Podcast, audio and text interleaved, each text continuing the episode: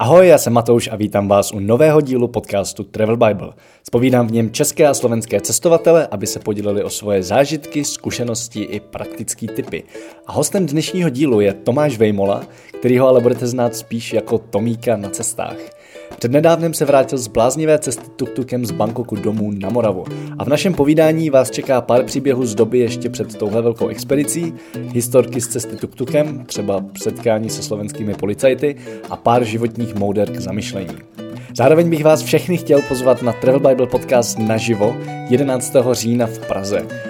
V průběhu večera vás čekají tři rozhovory v podobném formátu jako v běžných dílech tohohle podcastu.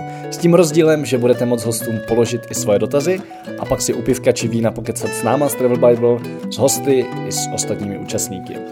A spovídat budu organizátora festivalu kolem světa Karla Wolfa, čajovýho maníka Petra Siče a motorkáře Vojtu Lavickýho z jedemkolem.cz. Víc informací o nich i o celé akci najdete na travelbible.cz lomeno podcast pomlčka naživo. A do hlediště se vejde jenom 50 lidí, takže doporučuji si co nejdřív koupit vstupenku. Na místě téměř 100% nebudou. Těším se na vás. Odkazy a pár fotek k tomuhle dílu najdete jako vždycky na travelbible.cz lomeno podcast a pojďme na to. Čau Tomáši, vítej v podcastu Travel Bible a vítej zpátky v Čechách. Ahoj Matouši, děkuji moc za pozvání. Jaký to je pocit tady být zpátky? Po, uh, no, po tak dlouhé době. Už je to měsíc, co jsem doma a upřímně si to ještě nějak moc neuvědomuju. Byl to opravdu těžký rok, co jsem byl pryč, takže ještě jsem v takovým jako, mi to přijde, že to byl jeden velký sen, že se to prostě stalo takhle rychle. Mm-hmm. Takže furt nevím. OK. Ale pojďme úplně na začátek. Mě zajímá, kdy tě přepadla ta touha po dobrodružství. Kdy to poprvé přišlo?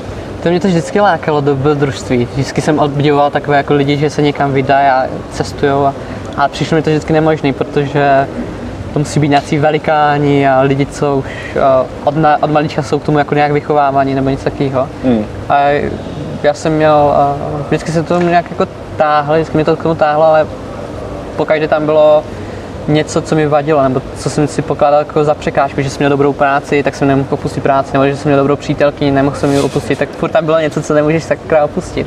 No. A tak mi to vadilo vždycky a potom najednou mě opustila přítelkyně, potom uh, mě vyhodili z práce, já jsem vlastně byl úplně už vůbec jsem nic neměl. Říkám, tak kdy jindy, než jako teďka vyrazit, vždycky mě to nějak lákalo, tak řekl jsem si teď nebo nikdy. Hmm. A tak a šel jsem do toho, no, opustil jsem byt, prodal jsem všechno, co jsem měl a, a utekl jsem do Indie, no. Na dva měsíce, Indie, Nepál. A říkal jsem si v Nepálu, když jsem procházel Himaláje, tam ten trek Annapurna Cycle, když jsem ho procházel, tak jsem si říkal, to je úžasný a já bych chtěl tohleto dobrodružství zažívat často, hmm. protože to člověka moc posouvá a uklidňuje, já nevím co všechno, ale to má obrovské pozitiva. OK. A ty jsi potom vyrazil, pokud vím, do Gruzie na kole. No, no. Bylo tam ještě něco mezi tím? To nějaký menší cesty? Právě tady ta byla první ten, ta Indie, Nepál. Hmm. A jak jsem se vrátil, tak říkám, ty musím na další cestu, nemůžu do práce. a já jsem si vzal kolo, 50 eur do kapsy a řekl jsem si, že zkusím jet do Gruzie na kole, protože jsem na letenku neměl peníze a čas jsem měl, tak jsem vyrazil. Proč zrovna Gruzie? Co, co ti to napadlo, že Gruzie? To nebyl záměr Gruzie, já jsem chtěl obět Černé moře, protože se mi líbila myšlenka, že objedeš moře. Mm-hmm. A ona se ta Gruzie prostě tam objevila, no, takže... Objel ho nakonec teda? No jasně, za 101 dní, 7,5 tisíc kilometrů a je to jedno z nejlepších rozhodnutí, co jsem kdy udělal. A to jsem nikdy nejel na kole, nikdy jsem nejel víc jak 50 km. Nebo moje první, můj první velký cyklistický výlet na kole bylo, 100, bylo 50 km na naší chatu. Mm. A zpátky už mě museli vést rodiče, protože jsem neměl dost síly, abych jel zpátky z chaty domů. Tak mi vzali autem a kolo si dal na střechu. No a to byl můj první zážitek na kole a druhý byl vlastně, že zkusím jet do, do té Gruzie. Jak ti to bylo? Měl jsi někdy pocit, že se na to musíš úplně vykašlat a nechat rodiče, aby pro tebe přijeli? ne, nikdy jsem si neřekl, že to prostě nedám. O, o co jde, tam jenom šlapeš a nějak jsem mě nepospíchal. Jako, byly těžké chvíle, já jsem si taky rozmátil helmu na, v Rusku, protože mi chyběla vízum, tam jsem jako musel šlapat pořádně, už jsem nebyl to, byl jsem unavený a všechno, ale jako o co jde? prostě všechno jde. Stačilo ti těch 50 euro? Ne, ne, vůbec. Já jsem měl ale tako, věděl jsem, že si nějak poradím. Mm. Ještě v Evropě byl červen, červenec, tak jsem viděl, že už rostou jablka ze stromu, že skočím přes zahradu, ukradnu tam nějaké babičce okurej, něco takového. Ale že budu uklízet třeba na záchodě hajzlíky, abych dostal polívku, což se stávalo. Mm. A jak jsem vlastně tady tohoto uh, sdílel na Facebooku, tak uh, lidi dostali jako nápad, nebo napsal mi jeden pán, že by si koupil ode mě pohled a říkám, že to je fajn nápad, tak uh, jsem, on mi poslal, myslím, 100 korun určitě, jsem mu poslal pohled, on to se potom nějak rozkřiklo a lidi mi takhle nějak, že posílali drobné nebo ne drobné uh, příspěvky na tu cestu, výměnou, že jsem jim posílal z cesty pohledy. Co tě tahle cesta naučila?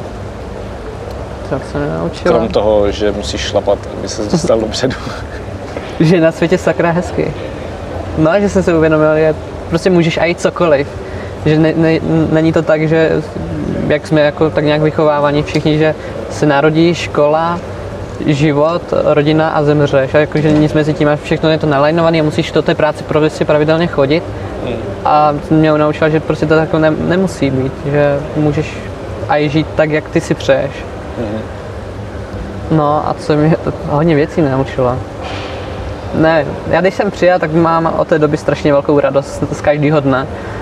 A vážím si všeho kolem mě, protože já jsem spal ve stanu a umíral jsem kolikrát, jako už to bylo fakt těžký a peníze z jídlo jsem neměl, takové věci, tak mi bylo fakt jako kolikrát těžko, i když to byla furt Evropa a takhle. A pak jdeš do stanu a tam kolem třeba v Gruzii kolem mě procházel medvěd, hmm. tak to jsem byl taky podělaný a pak přijedu domů a tam máš čtyři stěny a máš uh, stěnu nad, nad, uh, strop nad tebou a dveře, které můžeš zamknout a také pocit bezpečí a okay. jídlo máš prostě na dosah. To je také maličkostí. Jsem přijal, strašně jsem si začal vážit maličkostí. No. Mm-hmm. Jak tě pak napadlo, že si koupíš v Bangkoku tuk-tuk a dojedeš s ním sem? protože ta myšlenka, není to vtipný, jako už jako ta představa. No je to absurdní. no právě. Tak a, jako a mně, přijde, mně přijde, že jako Češi jsou v tomhle přeborníci, koupit si co nejdivnější vozítko a jet s ním co nejdivnější cestu to jde. Protože Češi jsou hodně vynálezaví, to jako my máme, my řekl jako asi nejvíc, co jsem za svůj život potkal takhle lidi po světě, takže Češi jsou ohromně vynálezaví. Hmm. A proč takové staré vozítko? Protože je to jednoduché opravit. Mm. Kdyby si koupil nějaký jeho, nějakou motorku, co mě zaveze tam a tam, tak je to za prvé nuda, mm. protože by se nic nepourouchalo a já vlastně bych ani nic pořádně nezažil. A když jsem si vzal ten starý tuk-tuk, tak uh, vlastně 35 let starý, tak mě lákalo to, že já jsem o těch motorech vůbec nic nevěděl. Mm. Jsem i strašně levej, úplně levej jsem, jako bez strandy. a tak se mě to lákalo to, že se to naučím, že začnu že pochopím ten motor, jak funguje, že budu vědět, jak se opravuje motor, jak ten tuk-tuk opravit. A to mi strašně nalákalo, že se to během té cesty budu učit. Mm-hmm. A tam, když se mi něco pokázalo v Nepálu, tak eh, se tam vzala, já nevím, nějaká plechovka, strčilo se do toho motoru a zase to jelo. To prostě s, novým, s novou motorkou to bych neudělal v Nepálu. Tam zkus najít nějaký servis v Nepálu nebo na severu, ve východě Indie. Mm. Neexistuje. To bych musel si poslat nějaké díly a všechno a vzít to nějaké čipování nebo nějaký monitor nebo ty komputery to někde zapojit, ale s tím starým vehiklem Češi to berou, protože to snadno opravitelné, bych řekl. Hmm. Jak dlouho ti trvalo, než to pochopil, jak to celý funguje? V Bratislavě. to jsem říkal, že už, to, už, to, už tomu rozumím. Takže na posledních 200 km. 200 km, no. To se hodí. Jak jsi ten tuk-tuk scháněl vlastně, jako jak se na tebe koukali tajci, když jsi najednou přišel za nima v Bangkoku, že chceš koupit tuk-tuk? No já jsem vlastně vůbec nějak nestrácel čas, rovnou z letiště jsem eh, běžel za, běžel za prvním tuk-tukářem, když jsem ani neměl hotel nic jako na, na, a už jako s baťuškem na, na zádech jsem běžel a dobrý den, já si, já si chci koupit váš tuk-tuk. jako nechápal, že? Uh, kam chceš vést, jako kam chceš dovést, na letiště, do parku nebo do obchodáku? Ne, ne, já chci koupit váš tuk-tuk. Kam chceš jet? Já chci jet na Moravu, jako do České republiky, ukážu na mapě. Proč? jako, tam vůbec nechápali, proč něco takového by člověk dobrovolně dělal. to uh, nechápali. A takhle jsem chodil asi týden, obešel 20 tuk-tuků, už jsem měl jeden naš, na, fakt na, nádherný, krásný na, jsem našel, ale manželka toho týpka mě vyhodila z domu, protože to je jejich obživa. A už viděl, co, co si za ty peníze koupí chlastu a všeho. Takže manželka mě vyhodila, že to, to nepřipadá v úvahu. A potom se našel, no, po týdnu tak nějak. Takže to fakt jako našel od těch tuktukářů na ulici. No jasně, no, musíš chodit a ptát se. Těžký ta, bar, anglická bariéra jazyková ta byla nejtěžší, protože ne každý uměl anglicky, hmm. jenom také to go, left, right, fakt jako basic. A musel jsem tam najít nějakého kluka, co uměl anglicky hmm. a ten mi s tím pomáhal. Hmm. OK, teď jsem úplně z toho zapomněl otázku. Já už vím, kolik to stojí takový tuk-tuk v Tajsku. No ještě než jsem vyrazil, tak jsem si jasně googloval, kolik to asi tak může stát. A v tom Tajsku tam se to prodává v těch bazarech a bývá to kolem těch 30 tisíc korun za úplně ten starý, úplně ten základní, skoro nepojízdný, až po 250 tisíc, ne, ne, Jo, kolem 200 tisíc stojí nejnovější, 250 stojí nejnovější tuk-tuk. Hmm. A já jsem viděl, že chci ten starý, jinak, že je to levný a že toho víc zažiju. A stál mě kolem 40, no. Plus ještě nějaké náhradní díly, co jsem vzal s sebou, e, nářadí, tady tohle to. Hmm. Připravoval jsi na tu cestu nějak, jako krom toho, že jsi zjistil cenu tuk-tuku? Jo, jasně, no. Jako mě to napadlo druhý den hnedka po Vánocích, to si pamatuju, kdy mi to napadlo, že říkal jsem si, to je úžasný, to musím. Jako. Já jsem koukal na mapu světa a co bych asi tak podnikl a tam jsem viděl Thajsko a viděl jsem tam ten, to vozítko a tuk tuk a říkám, to by bylo sranda, bych to takhle vzal. Tak začnu to Google, říká si, ale do toho jdu a začnu to googlovat a zjistím, že to je nic jako novýho, že už takových expres bylo víc. Hmm. Byly to francouzi, dva francouzi, dvě angličanky, holky dokonce z Anglie, uh, švédové a dokonce dva Češi. Hmm. Před čtyřma rokama Martin Měchura se jmenuje a ještě jeho kamarád, taky jeli s tuktukem a ještě s motorkou mm. z Tajska taky domů. Takže já jsem se na ně obrátil, na Martina a ten mi pomohl s tím hodně, hodně moc, jako poradil co a jak a s těma papírama a podobně, s dokumentama, s překročím hraní za tady tohle. No to jsem se chtěl zeptat, jak to vlastně bylo, když se chtěl dostat do barmy a pak dál, protože co vím, tak obzvlášť barmanci prudí hodně s vlastním vozidlem. A... s vlastním vozidlem takhle, tam je problém, ty tajské hranice byl problém. My, v tom Myanmaru nebo tam Barma to byla v pohodě, protože když tam jedeš vlastním vozidlem, tak musíš zaplatit té agentuře, co tě provede. Mm-hmm. A to stalo nějakých uh, tisíc euro, něco takového, jakože fakt pálka, je to na 10 dní a musíš projet celou, celý ten uh, Myanmar. Mm. S povinnýma zastávkami, máš vždycky v nějakém hotelu, kde se prostě jako je checkpoint a odfajkneš si, že, jsi, že, že jsi tam, tak prostě mm. máš tam ten státní doprovod, že tam nemůžeš si trajdat autem, jak chceš tak to byl problém akorát vychytat tu agenturu, protože ona jede, jede jenom s těma cestovatelama a ti ne, taky nejedou každý den, takže já se hmm. na to musím čekat dva měsíce, než pojede ten, uh, jako kdyby, než pojedu s dalšíma těma cestovatelama. Tak to byl problém vychytat, to jsem hledal cestovatele po všech cestovatelských serverech, co vůbec existují anglických. Hmm. A ptal jsem se, kdo kdy jede, aby jsme se nějak spojili a jeli společně. Tak to byl těžký. Problém byl s těmi thajskými hranicemi, že tam zákon je ten týpek, co mě má srovna na, na ruce, že jo. Tam sice mu ukážu dokumenty, podepsané všechno razítko, ale ty, jak víš, už Tajsko znáš, tam prostě nic takového, ani nic mi říct, já to nechci a nejedeš. Takže i když jsem tady tyhle papíry měl, tak mu to nestačilo a chtěl ještě nějaké další. Jo, zrovna Tajci mi přijdou jako v pohodě úředníci, že? As, sice jako ano, jsou to úředníci jako všichni ostatní, ale aspoň se usmívají. jako, sice vůbec nevíš, co si, co si myslet, co si myslí o tobě, ale aspoň se usmívají. No, oni mi tam všichni nabízeli pomoc, ale usmíli, usmáli se a už můžeš zase jít někam jinam. Jako. Oni jsou strašně hodní, tady ty jsou úplně úžasní. Ale no, to, co jsem si musel úplně vybojovat, já jsem tam navštívil všechny úřady, co v Tajsku existují jak se na tebe koukali tajci, nebo vůbec jako Aziati, když prostě viděli bílýho typka, jak jede sám v tuk No tajci jsou v tomhle úžasní, úplně jako se jim úplně líbil tenhle ten nápad a když viděli ta, ta bělocha v tom, v tuk-tuku, tak. Já jsem vlastně tam fungoval jako taxik, no, takže když viděli tuk-tuk, tak já jsem už na mě mávali, dokonce na mě mávali i turisti, Aha. viděli, že tam mám prostě ty bágle, že tam mám tu vléčku a všechno a turisti prostě na mě, kam, jestli je nevezmu někam, ale jakože reálně, že to zaplatí a tak, jako, mm. ale já, já nejsem taxikář, ale tak bral jsem lidi, ale to bylo vždycky zadarmo jen za úsměv a co nám je říkali, no byli vždycky úplně nadšení a pomáhali moc, moc pomáhali. Myslíš, že jim vůbec docházelo, jako, co to znamená dojet až ne, do Evropy? Ne, vůbec. Oni, mám pocit, že celá Asie ví, že oni žijou v tom, žijou v tom jednom městě a jak živ nebyli ve vedlejším, nebo v, jedné vesnici, ale když jim řekne, že jdeš eh, do České republiky, tak neví, do Německa neví, do Evropy, mm, moc jim to neřekne. Hmm. Oni tak znají Amerika a, a akorát ví, že něco takové je v televizi, ale oni si to, mi, mi přijde, že ta, ta Asie nedokáže úplně představit celý jako ten globálně ten, ten svět, jako kdyby. Hmm. Že nemají potuchu. Já když jsem jim řekl, že jedu do, do České republiky, do Evropy, tak jako jo, jo, dobrý. A když jsem jim řekl, no já jdu tady 200, 200 km do toho města, cože s tímhle? to nemyslíš vážně. Takže no, Jasně. ne, ne, nechápu, no, jako to, že tu vzdálenost dá se říct. Potkal jsi tam nějakého člověka, který tě něco naučil, nebo který tě nějakým způsobem inspiroval, nebo třeba překvapil jeho životní příběh? Vlastně jako Mhm. kdekoliv po té cestě. Jo, eh, to je hezká otázka. Já jsem tam, jak jsem prožil tím Myanmarem, tak jsem jel s cestovatelem eh, Johnem a jeho manželkou Gabi. To byli cestovatelé na takové té obří motorce a projíždí celý svět. Hmm. Šest let už jsou na cestách. Hmm.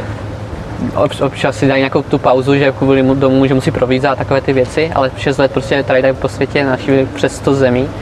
A oni se mnou jeli přes ten Myanmar a s tuk-tukem. Prostě oni mají motorku, která jede s 200 a tuk-tuk jede 30 už je, tak se já jsem tam trošku zdržela, tak mě uh, jsem to se cítil trošku blbě, že jako kdyby zdržu, protože musíme pos- jezdit spolu. A tehdy jsem zjistil prostě reálně, jak, uh, že to není sranda ten tuk-tuk, takže fakt jedu s ním domů. Teďka v v té cizí zemi jsem si uvědomil, aha, to je fakt problém. A když jsem vyjel do Myanmaru, tak tam máš všude jako koňské povozy a tady tohle to tam motorky neseženeš jen tak, nebo auta, fakt jako vidíš málo. A jsem si říkal, tak tady je problém. A já jsem tam měl problémy s brzdou, že to moc brzdilo, nešlo to nějak jako odblokovat, tak Jo. uh, jsem říkal, ale já tomu nerozumím, co teď? A to vůbec nejelo, teďka jsem byl v spožení pro celou tu skupinu, byl to problém, stálo mi to zase nějaké peníze navíc pro všechny, byl jsem prostě zdržení a já jsem si říkal, to je ale fakt tehdy úplně mi bliklo, to je hrozný, to jako Mm. tady nemůžu, nemám co dělat, chci domů, chci domů, strašně moc. A já jsem právě šel spát a přišel za mnou eh, ten John, co má už ty zkušenosti a všechno a strašně s úsměvem. Člověk, co toho zažila prostě nad věcí pokaždé. A říká mi, Tome, ty chceš jako jet domů nebo co? Jako, ty chceš letět, ty to chceš vzdát? A já, no, že stejně, stejně tomu nerozumím, tomu tuk-tuku. A stejně mě čeká ještě dalších 15 tisíc kilometrů nebo kolik. On, jako, že to nemyslím vážně. Teď problémy byly, budou a jedině jako, jak se s nimi vypořádat, je, že do toho jít a vždycky to jde. Jako musíš furt tlačit a nakonec vždycky to jako zvládneš. Tak jako mě řekl to je takové pozitivní slova, že nepřipadá úvahu, že proč bych končil. Že to jako nesmysl. Jasný, že to bude těžký, ale takový je život a je jenom o nás, jestli to je, jako zvládneme nebo ne. A když to zvládneme, tak máme ze neskutečnou radost po zbytek života třeba Hmm. tak mě tady takové věci říkal a ráno už tam na mě čekala ta odstahovka zpátky do Thajska. Hmm. Že, že to jako vzdáváme. A já, že ne, tak jsem lehl pod tuk-tuk, dělal jsem, co jsem mohl, John mi pomohl, odblokovali jsme to a jeli jsme. Hmm. Takže já teďka, když o tom mluvím, tak mám husí kůži. Ten, ten člověk, já ho určitě chci ještě jednou vidět, no. Jsme v- stále v kontaktu, ale co, co, to, kdyby tam tehdy nebyl, tak bych byl asi Hmm. zpátky v Tajsku a ne, nezvládl bych to. Měl jsi ještě někdy takovouhle fakt jako velkou krizovku, kdy jsi říkal, že se vrátíš? Vždycky jsem říkal, že bych se vrátil, ale nikdy bych o tomu asi nedošlo, protože já jsem jakože slíbil, že přijedu domů a sliby se mají plnit a já jsem takový, že když se to řekne, tak to má být. A to jsem slíbil lidem, lidem co mi sledovali a to prostě tak cítím, že to má být. Jak slíbíš, tak to musíš splnit. Hmm. A byl jsem v Iránu a tam jsem měl další problém, že mi prostě zdrželi loď. Teďka v Iránu tam je problém s placením, že to nemůžeš poslat na jejich účet, protože tam je blokace, embargo, takže musíš poslat už peníze někam na černý trh a je to nelegální všechno, problém. A teďka mi zdrželi loď a chtěli větší, větší peníze, větší, větší a že mi to, to ten tuk nedají, protože za mě zavolají policajty, protože nechci platit ty jejich velké pálky. Bylo to fakt jako zdržení dva měsíce, co mi zdrželi loď a já jsem tam prostě v Iránu nic jako nedělal, jen jsem čekal a bál jsem se, jestli mi vůbec ten tuk dají. Hmm. Tak to bylo psychicky tak náročné, že jsem z toho měl dokonce i kopřivku na těle. No. Že prostě kopřivka je z toho, že máš nadměrný stres. A, jo, hmm. to bylo zlé, moc zlé, ale neříkal, neříkal jsem, že bych jel domů, prostě musím to vydržet, protože to mě celé potom posílí. Hmm jak jsi teda nakonec ten tuk získal zpátky, nebo jako, co jsi tam musel udělat, no, aby to vyšlo? No bylo to úplně zlé, oni jako, že loď pluje pět dní, hmm. reálně, ale oni to nejdřív poslali do Dubaje, potom to jako poslali úplně jinam, protože to nenaložili a furt jakože klíčkovali a domluva s Indama je příšerná, s Iranci taky. Takže oni mi po dvou měsících, tak pane Vejmola, už tady máte ten tuk, už si můžete pro ně přijít, jo, jo, super, tak děkuju, tak jsem šel do přístavu, oni, No jo, ale vy ještě musíte zaplatit nějaký depozit 2000 dolarů na náš účet. A jako já jsem Evropa, nemůžu to poslat na iránský účet, takže 2000 dolarů jsem musel poslat týpkovi někam do Hongkongu, hmm. který jako zavolá, jo, přišli mi peníze, ani se to potom nějak předají, protože to je prostě nelegální takové tyhle, tyhle transakce. Takže oni, jako, jak 2000, a to prostě to mi řekl nějaký týpek, kterého jsem nikdy neviděl, že to mám poslat nějakému mému kamarádovi, kterého jsem vůbec neviděl, neznal na internetovou stránku, která ani neexistuje, mají jenom e-mail a ten byl pochybný, takže prostě takovému cizímu člověku poslat 2000 euro, poslední peníze, co jsem měl, někam do Hongkongu, a když jim tam nepošlu ty peníze, tak oni mi nedají tuk-tuk a když jim nepošlu ten den ještě peníze, tak každý den nabíhá 100 dolarů pokuta za parkovné toho tuk-tuku v tom přístavu. Mm. Takže kdybych nezaplatil, tak mi tam nabíhají ty penále, když zaplatím, tak už neuvidím peníze, takže to bylo, no to byla, to byla ta kupřivka, tohle stresu, protože mě takhle zahnali do kouta. Hmm. No, hrozný tohleto. Jaký byl jinak Irán, jako jak, jak se tam na tebe koukali, protože jsem se bavil s eh, dětskama s jedním kolem, s Vojtou a s Mirkou a oni říkali, že na jednu stranu to bylo skvělé, ale že na druhou stranu, že tam byli s velkou motorkou, kterou v Iránu neseženeš no. a že to vlastně bylo jako strašně náročné v tom, že se na ně vždycky okamžitě nahrnuli lidi a vlastně se jako nenechali je vlastně normálně fungovat. Tak mě zajímá, jak to bylo u tebe. No, já jsem takhle s tím tuktukem Iran bohužel nepřejel. To bylo právě hodně kritický, protože tam mi končily víza, všechno, byl jsem tam už třetí měsíc. Hmm. Víza sice můžeš každý den naštělovat na další měsíc, ale vízum na tuk-tuk jsem měl na jeden měsíc a protože mi ho tam zdrželi v tom přístavu, nabíhaly ty dny, takže já jsem měl potom nějakých reálných asi sedm dní na to, abych projel celý Irán tuk-tukem. Hmm. A to bylo nemožný, tak jsem ho dal na vlak a posílal jsem to až k tureckým hranicím, mm-hmm. kde jsem pokračoval do Turecka. Mm. Ale jak na mě koukali lidi i tak, když jsem měl ten kousek, tak jako byli z toho nadšení. No. Tam Irán, to ti asi řekne každý, že do nás šíl Irán, že tam jsou obrovsky pohostinní lidé, strašně moc a koukali na mě jak na blázna, jasně, když jsem měl ten kousek s tím tuk-tukem. No. No, mě tam právě zastavil jeden policajt, a tam je problém a tam nemůžu mít alkohol. Tam hmm. alkohol je nelegální a jdeš do vězení hnedka. A já jsem měl s tím tuktukem a teďka se zapomněl, že jsem měl tam v Brašně slivovici. A on mi prohledával věci, policista, a teďka vytáhl tu flašičku slivovice. Jako, co to je? Si to k tomu čuchla, tak to je to je vaj. Jako už jsem se viděl ve vězení, teď jako jak budu volat mámě a co jako řeknu a jako teďka to bude brzo tak řešit nějaká ambasáda nebo něco a bude problém, že tady prostě s tuktukem a zavřený kvůli slivovice a že to prostě napávlo ledu, jsem se vidět ty nejhorší jako věci a on si k tomu přičukla úplně fuj, jakože víš, co to smrdí jako. A úplně, Tomáši, ty zachránci prdel. A říkám, proč to otvíráte, proč tomu čucháte, to nemyslíte vážně, tak jakože nadrzo prostě, to, to, to, to, to, to, to vybouchne, já říkám, že to příměs do motoru, že to prostě speciální příměs na, do paliva, aby to ten tuk tuk lépe jel, protože je to staré, no, ty to vidíte, ty to se nemůže pít, ten normální, a já jsem byl úplně jako kdyby zjevák malého haranta, on jako pochopil, aha, to je asi nějaký velký cestovatel, tak dobře, tak to necháme a zavřel to a já jsem, no. to bylo zlá měl jsem nějaký jiný problém s policajtem. Já jsem tak jako procházel blok a vím, že jsem tam policajty několikrát zmiňoval, ale, ale spíš v dobrým. Jo, jo, vždycky jsem na něm měl kliku. V Bulharsku mě pustili celníci uh, úplně v klidu, akorát měli problém s tím, že zelená karta je vytisknutá na černobílém papíře, že není zelená. Tak jsem mu říkal, že mi došla zelená v tiskárně. On říká, jo, v pohodě. Potom jsou naši slovenští bratři, když mě viděli na celnici, uh, Maďarsko, Slovensko, to bylo 11 večera, úplně špinavý, unavený, už jsem mi nic nemohl. Za mnou přijdou a čo to je? Kouknu na tuk-tuk, jako tady nemá co dělat, víš co v Evropě. No, to, to je tuk-tuk. A, a, a, a, a, odkeda jedeš? No, no jedu z toho, z, z Tajska. A čo ti jebe? Teďka zavolá toho druhého, co tam takhle spal jako v autě, tak zavolá, ty pojď pozerat, pojď pozerat. Zeptej se, zeptej se, s kam jede. No s kam jedeš? Kluci, já jdu, už rok jedu z Tajska s tím letím. Přes Indii, Irán, tady tohle, co Turecko a za chvilku chci být doma. A ty jsi kokot? Policajti, celníci. Říkáme kluci, ale říkali, ale tady to nemá být tady takhle vozidlo, nemáš jako blinkry, světla tam nesvítily, teď se to rozpadá, dejte to na křivé na druhou stranu, jako teď, za chvilku to má vybouchnout a já říkám, kluci, ty no, ale tak mi postojali, no ale to je 500 euro pokuta. Říkám, to si děláte prdel. ne, prosím tě, jeď, já jsem úplně v klidu, no. Jako co bys mohli, no. Jako měl jsem všechny dokumenty, měl jsem zelenou kartu, vytisknu to na bílém papíře, všechno jsem měl. technickou? Jako, te, zelenou, měl jsem tu technickou, no. Kárné dokonce, všechno. Hmm. Takže policie ti vlastně až na ten vzhled toho vozidla nemohl nic říct. No. Nespůsobil tak jako co dojelo to z Bangkoku až na slovenské hranice, tak co by to nedojelo ten kousek do Čech. Jaký to bylo v horách, protože tuk-tuk jako fakt není vozítko do hor. Jsem si to zažil párkrát na Sri Lance, kde to občas byla to sranda, kde to víc čadilo a dělalo kravál, než jelo.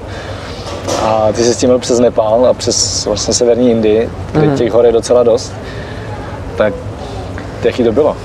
To bylo zlý, ta východní Indie, tam byl, tam byl celkem kopečky ze začátku, ale a ještě k tomu prašné, to byla nejhorší cesta, co jsem kdy zažil, hnedka pod ní byla Slovensko. Jinak celé prostě Nepál byl krása, ale Slovensko byly nejhorší cesty, hnedka po východní Indii. A kopečky tam byly malé, to se zvládlo a v Nepálu to jsme, to za mnou přijeli kamarádi, přiletěli tam si počít Royal Enfielda, mm. jeden se mnou jel v tuk-tuku a to jsme byli ve dvou a půl, skoro ve třech tisících s tuk-tukem, s dvou taktem a Pepa má 100 kg, 120 možná, tak jako velký hora chlap, tak jsme jeli fakt do těch skoro tří a úplně v pohodě. Jo? Jo, krásně to jelo. I když se to muselo tlačit, to je pravda, a jelo to pomalinku, ale, ale jelo to. Hmm. Jel bys na nějakou takovou cestu znova, jako s podobně šíleným vozítkem, který musíš neustále opravovat? Vozítkem už asi ne, protože to bylo psychicky náročné a je to extrémně drahé tahat takové vozítka. Hmm. Když to musíš hodit na loď, když to musíš, já nevím, projet přes nějaký stát, tak anebo ty opravy, nemáš tam ty náhradní díly, tak musíš platit za prostě za díly a to je, je to ohromně drahé a taky určitě s nějakým vozítkem někdy pojedu, nebo chtěl bych, ale víš, je to všechno ve hvězdách. Hmm. Kolik to stojí taková dlouhá cesta s, s takovým vozítkem? No, plánoval jsem nějakých 250 tisíc. Hmm. Nakonec to bylo kolem 400, no. Co z toho je teda nejdražší? Jsou to jako ty všemožné poplatky, nebo jsou to ty ta díly? Loď, ta, ta loď byla drahá, hmm. to, to vyšplhalo dvakrát víc, než jsem čekal. Hmm. Původní cena měla být nějakých kolem 30, hmm. protože mě tam zdržela všechno. Potom máš ty poplatky za vstupy do zemí, hmm. třeba ten Myanmar, tam taky těch tisíc euro. Platíš obrovské položky za, nevím, co tam ještě, musíš zaplatit třeba 50 tisíc eh, korun za Carnet, což je taková listina, mm-hmm. která tě opravdu k tomu, abys projížděl těma zeměma, nebo zeměma vůbec. A to je sice jako záloha, zaplatíš to, až přijedeš domů, tak to dostaneš zpátky, ale mm-hmm. v tu dobu prostě mi tyhle peníze chyběly, že jo, když jsem byl na cestě. No nejdražší jsou tady tyhle ty vstupy a ty opravy, náhradní díly, mm. tohle no. Jinak já jsem vstal, spal ve stanu, jedl jsem prostě to, co mi spadlo do huby, dá se říct. A jestli jsem měl někdy nějaký jiný hotel, tak uh, to se nedá říct hotel, to byly prostě také ty kumbálky, kde tam prostě šváby podle skáčou nebo já nevím co všechno. Mm. Je, je, já jsem hodně v takhle tom basic, jakože nepotřebuji na nějakých luxusních hotel, hotelech a tak a spíš jako v tom stanu. Mm. Co tě naučila tahle cesta, když cesta na kole tě naučila, že svět je krásný, tak ty, já nevím, já jsem právě v tom jako ještě pořád rozpoložení, že nechápu, že jsem to zvládl a co mě dok- naučila. Asi zase o trošku víc mám ze sebe radost. Hmm. A jsou také chvíle, že mi to jdu třeba kolem nějakého stromu, teďka mi připomíná třeba situaci v Indii a usměju se. Hmm. Že jo, asi na celý život, že vždycky budu mít takové, že úsměv na tváři. Nebo ne na celý život, ale prostě po hodně dlouhou dobu. Hmm. Ale co mě úplně naučila, asi nic, jako. Dělal bys něco jinak v průběhu té cesty? Jasně, všechno. Kdybych jel teďka, tak jsem za půl roku doma, ne za rok, jo. všechno bych dělal jinak. Ale to bylo to v tom kouzlu, že jsem prostě neviděl, do čeho jdu, že, že se musíš cestou naučit a tak. Hmm. Takže kdybych jel znovu, už asi bych znovu nejel, protože já jsem do toho jel, protože jsem nevěděl, jaký to je, hmm. takže mi to lákalo ta obrovská neznámá, tak když, když to vím, tak proč to dělat znovu? Hmm. Ale jako jestli se chci zeptat, jestli... Spíš třeba, jestli něčeho lituješ, jakože i třeba, jestli se jako něco nestihl, co si stihnout chtěl, nebo... No jasně, strašně jsem se těšil, až projedu ten Irán s tuk-tukem, to byla hmm. vysoká škola. Prostě já jsem to měl tak, že tady si to koupím, naučím se trošku opravovat po Indii, Nepálu, že to už budu lépe opravovat, to už budu trošku machr a Irán je tam eh, prostě obrovské vzdálenosti mezi zeměma, je to tam, eh, jsou tam samé pouště, všechno takovýhle, obrovské kopce, tak já jsem se na to strašně moc těšil, až to budu projíždět, protože jsem měl úplně za obrovské dobrodružství, bohužel jak finance, tak eh, víza to nedovolili a musel jsem to poslat tím vlakem, tak to je asi nejvíc, co mě mrzí na té cestě, no. Hmm. Že jsem si ten Irán takhle neužil. Na druhou stranu, tam vždycky můžu projet. Zase s jináčím vozítkem. Irán.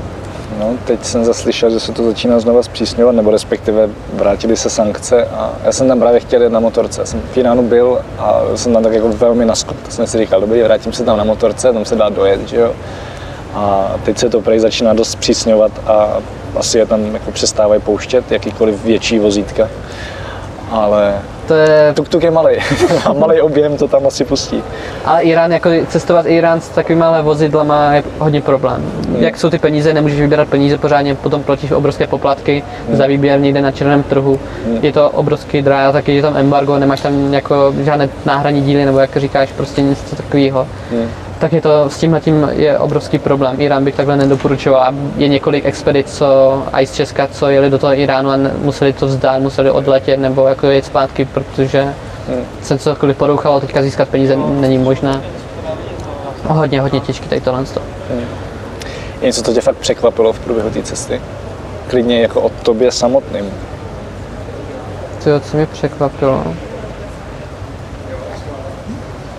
To fakt nevím teďka nebyl jsem z ničeho nějak překvapený, nebo co by přesně, zkus nějak specifikovat, když si najdu v tom.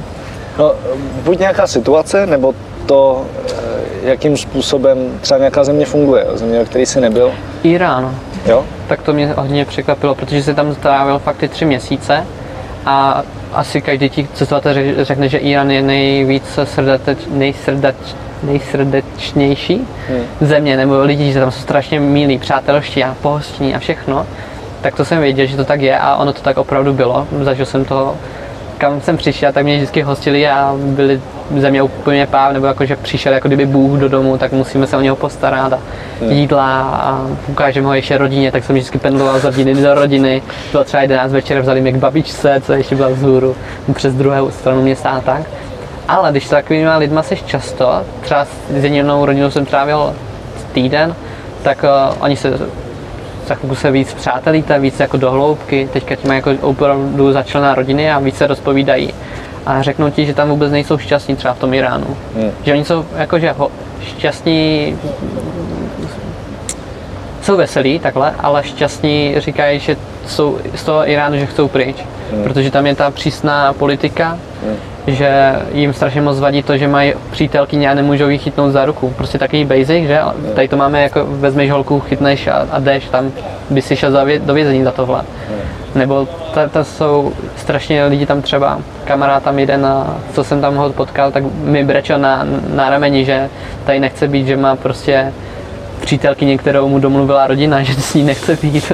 A nebo že chce odjet z, eh, z města a on ani opustit město nemůže, protože ho jednou chytla policie, že byl opilej, nebo pil, pil mě jedno pivo, tak ho chytli a dostal na, na pět let zákaz opustit město, prostě jen město opustit. Tak je tam prostě zavřený v kleci. A tam je, je takových věcí hodně. Ti lidi, když si mi potom fakt rozpovídali, tak byl velká většina prostě, že jsou nešťastní. A každý si mi tam stěžoval na ten jejich režim, no. že to nemají rádi, že musí plno věcí tajit a jsou samé kritéria a že když jsou nějaké protesty, tak eh, potom jsou tihle lidi, co ty protesty organizovali zavření a ve vězení jsou potom popraveni. Ale v novinách se vždycky napíše, že tihle lidi spáchali třeba sebevraždu. Hmm. Tam oni jsou z tohle opravdu nešťastní. No. Tak to mě překvapilo, že je fakt jako milá země všechno, ale ti lidi uvnitř jsou tak nějak jako mi přijde nešťastní. No. No, tohle jsem zažil už ve více zemích. Je to vlastně jako všude, kde je nějaký podobný režim. Byl to Irán a byl to Laos, tam to bylo jako hodně zajímavý. Hmm. A vlastně jsem si tam uvědomil, protože v Laosu je komunismus docela drsný, a tam jsem si uvědomil, že vlastně to je v těch lidech jako v nás pořád, že to tam pořád je, takový ten strach, jestli tě prostě soused nabonzuje a, a jako co, co se vlastně kde děje a, No, a jako jestli ta takhle to... nesvoboda. Hmm. Jo, a že vlastně tady Koukání. to pořád v sobě máme, sice zdaleka už ne tolik, ale pořád to My to máme, je. my, ale až bude další generace po nás bych řekl, tak to už bude pěkně čistý.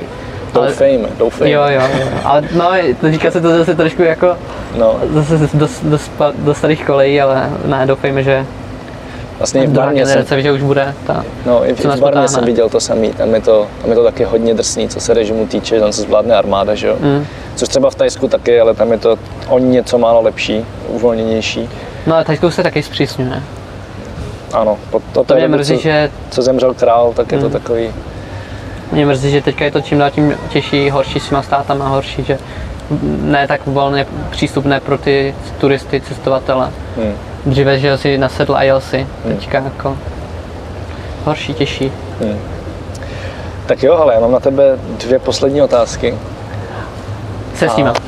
Co? Se s nima. Jsem s ním. Ta první je taková filozofická, kterou dávám všem, a to je, kdyby se teď vymazalo všechno, co si jako napsal na blogu, jakýkoliv rozhovory si dal, včetně tohodle, a zůstala ti možnost předat světu jednu jedinou myšlenku, tak co by to bylo? Ježíš, to je moc uh, filozofický na mě. Se zamysli, v pohodě. Já myslím, že člověk je nejvíc šťastný, nejvíc spokojený sám se sebou, když je takový, jaký je, že se nepřed, ne, nedělá, víš co myslím, že člověk musí být sám sebou, dělat co, to, co ho baví a jedině tak je nejšťastnější. Když se přetvaruješ nebo děláš to, co chce, aby o tebe očekává společnost nebo rodina nebo tohle, tak nejsi nikdy šťastný, ale když děláš to, co tě baví, co tě naplňuje, nebo když jsi svůj prostě, Mm. jestli chceš tady prostě běhat teďka po trenkách a bude ti to dělat šťastným, tak běhej, víš co, tak o to myslím. Takže určitě být svůj je největší štěstí, no. Jsi teď šťastný?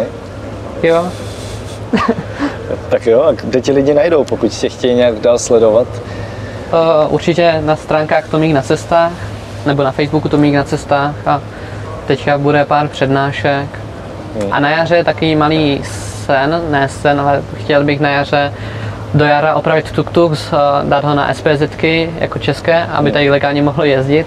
A chtěl bych tak objet celou republiku a udělat takovou menší tour. Naštívit lidi, co mě podpořili na cestě a tak. Udělat pár přednášek v rámci toho.